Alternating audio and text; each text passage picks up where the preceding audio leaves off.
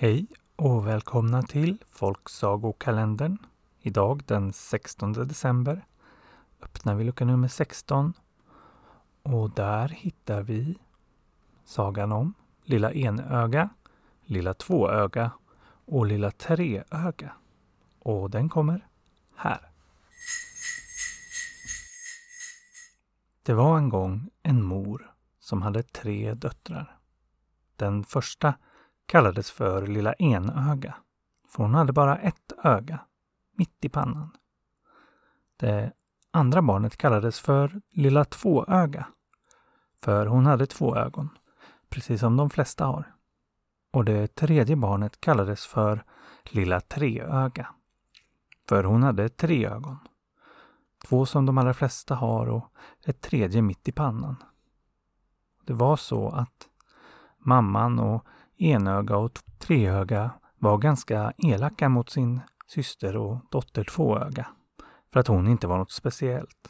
Hon hade ju två ögon som vem som helst hade. De var så elaka mot henne så hon fick knappt något att äta och fick bara gå klädd i trasor. Och hon hade det hårdaste arbetet hemma. Hon fick städa och fixa och varje dag måste hon leda ut geten på bete och leda hem den igen. Och det var en lång promenad. Och en dag när lilla tvåöga satt ute på betet med geten och var lite extra hungrig och ledsen för att enöga och treöga hade varit lite extra jävliga, så grät hon. Och hon grät så mycket att det blev till två små bäckar framför henne. Och ur bäckarna klev det plötsligt upp en kvinna som frågade henne Varför gråter du, tvåöga? Och Tvåöga sa att det var väl inte konstigt att hon gråter med så elaka systrar och så elak mamma och hungrig var hon och alldeles utarbetad. Men då sa kvinnan att hon skulle få lära sig någonting som gjorde att hon skulle slippa vara hungrig. Den lilla geten var nämligen ingen vanlig get. Det var en magisk get. Allt hon behövde säga var Bräk lilla get, lilla bord, duka dig så skulle det dyka upp ett bord fyllt med mat och läckerheter. Och när hon var färdig behövde hon bara säga Bräk lilla get, lilla bord försvinn, så skulle bordet försvinna. Och när lilla tvåöga hörde det här så slutade hon gråta och bäckarna torkade ut och kvinnan försvann. Och genast så provade hon att säga till sin lilla get Bräk lilla get, duka dig lilla bord. Och vips så dök det upp ett bord fullt med allt möjligt gott man kunde tänka sig. Och lilla tvåöga åt tills hon var proppmätt. Och sen sa hon Bräk lilla get. Försvinn lilla bord. Och så försvann bordet. Och lilla tvåöga gick hem till sina systrar och sin mamma. Gladare än hon brukade. Och så här fortsatte det några dagar. Men eh, nu ville ju inte lilla tvåöga längre äta av de rester hon brukade få hemma. Och snart började mamman och hennes systrar att märka det och anade att det var något skumt på gång. Så till slut sa mamman till lilla enöga att spionera på tvåöga och se vad hon egentligen gjorde där ute med geten varje dag. Så nästa dag, när lilla tvåöga skulle ge sig iväg med geten, så kom lilla enöga och sa att hon skulle följa med. Det tyckte lilla tvåöga förstås var jobbigt. Hon förstod att de spionerade på henne och ville veta hennes hemlighet. Men när de hade gått ända till betesfältet så var lilla enöga alldeles slut. Hon hade ju inte slitit så hårt i sina dagar som tvåöga och blev därför trött mycket snabbare. Så lilla tvåöga sa till henne att lägga sig. Och så sjöng hon en liten godnattsång. Sov lilla enöga, nu kan du blunda. Och så somnade enöga. Och då kunde tvåöga säga Bräk lilla get, duka dig lilla bord. Och så kunde hon äta sig mätt idag igen. Och när hon var färdig så sa hon Bräk lilla get, försvinn lilla bord. Sen väckte hon enöga och sa att hon visst hade somnat och att dagen hade gått och nu skulle de bege sig tillbaka. När lilla enöga kom hem så kunde hon inte berätta vad det var för fuffens lilla tvåöga hade för sig. För hon hade råkat somna. Mamman blev förstås arg på henne och sa till lilla treöga att följa med tvåöga istället dagen efter. Så dagen efter, när lilla tvåöga skulle ge sig iväg, så följde lilla treöga med. Hon blev också trött av promenaden och la sig också för att vila. Och så började tvåöga sjunga. Sov lilla... Men så råkade hon dribbla bort orden. Så istället för att sjunga Lilla treöga så sjöng hon Lilla tvåöga, nu kan du sova. Så när treöga somnade, somnade hon bara med två av sina ögon. Och det tredje var vaket och såg allt som hände. Så när tvåöga trollade fram bordet och åt sig mätt och sen trollade bort det, så fick treöga reda på det. Och när hon sen blev väckt av sin syster så log hon hemligt hela vägen hem. Och så berättade hon för mamman och enöga vad hon hade sett. Och mamman blev rasande över att tvåöga hade gömt en sån hemlighet för dem. Och hon tog genast en kniv och högg ihjäl geten.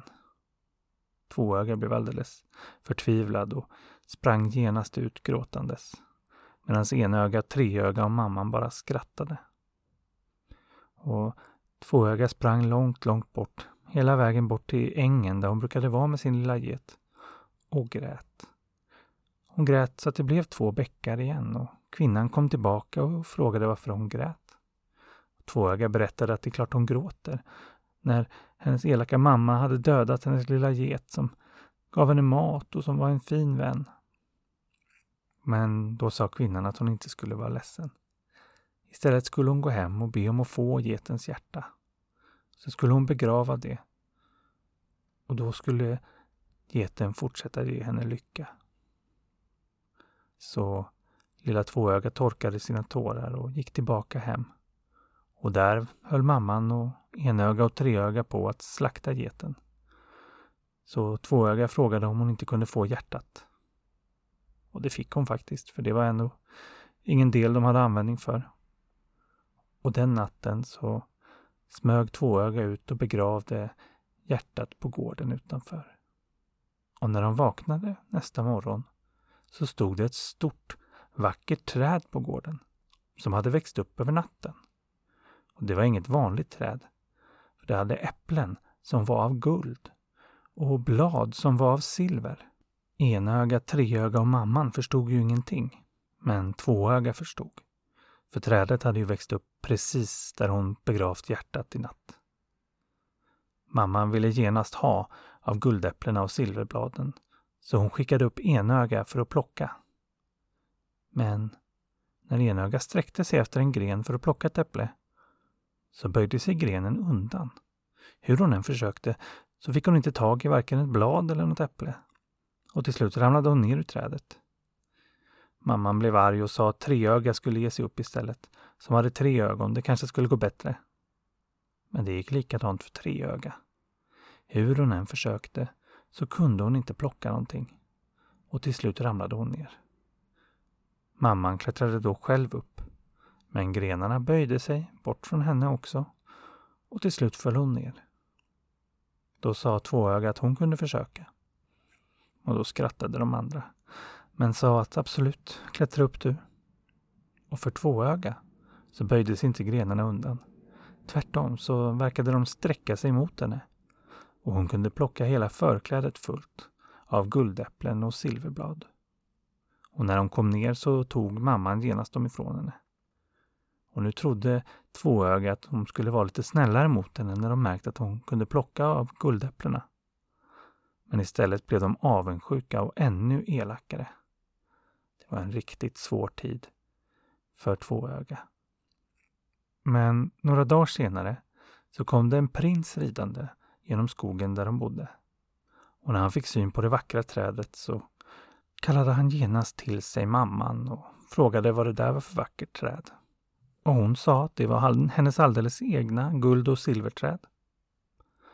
Och han sa att han genast ville ha en kvist av det och om han bara kunde få en enda kvist så skulle han ge den som gav honom kvisten vad som helst. Mamman gick genast in för att hämta sina döttrar. Ja, men bara enöga och treöga förstås. Tvåöga sa hon istället till att gå och gömma sig på vinden, så inte prinsen skulle se henne. För en sån där alldeles vanlig tvåöging var det ändå ingen som ville se. Ettöga och treöga kom ut och blev genast förtjusta i prinsen som var mycket vacker. Och de kastade sig upp i trädet för att plocka ner en gren åt honom.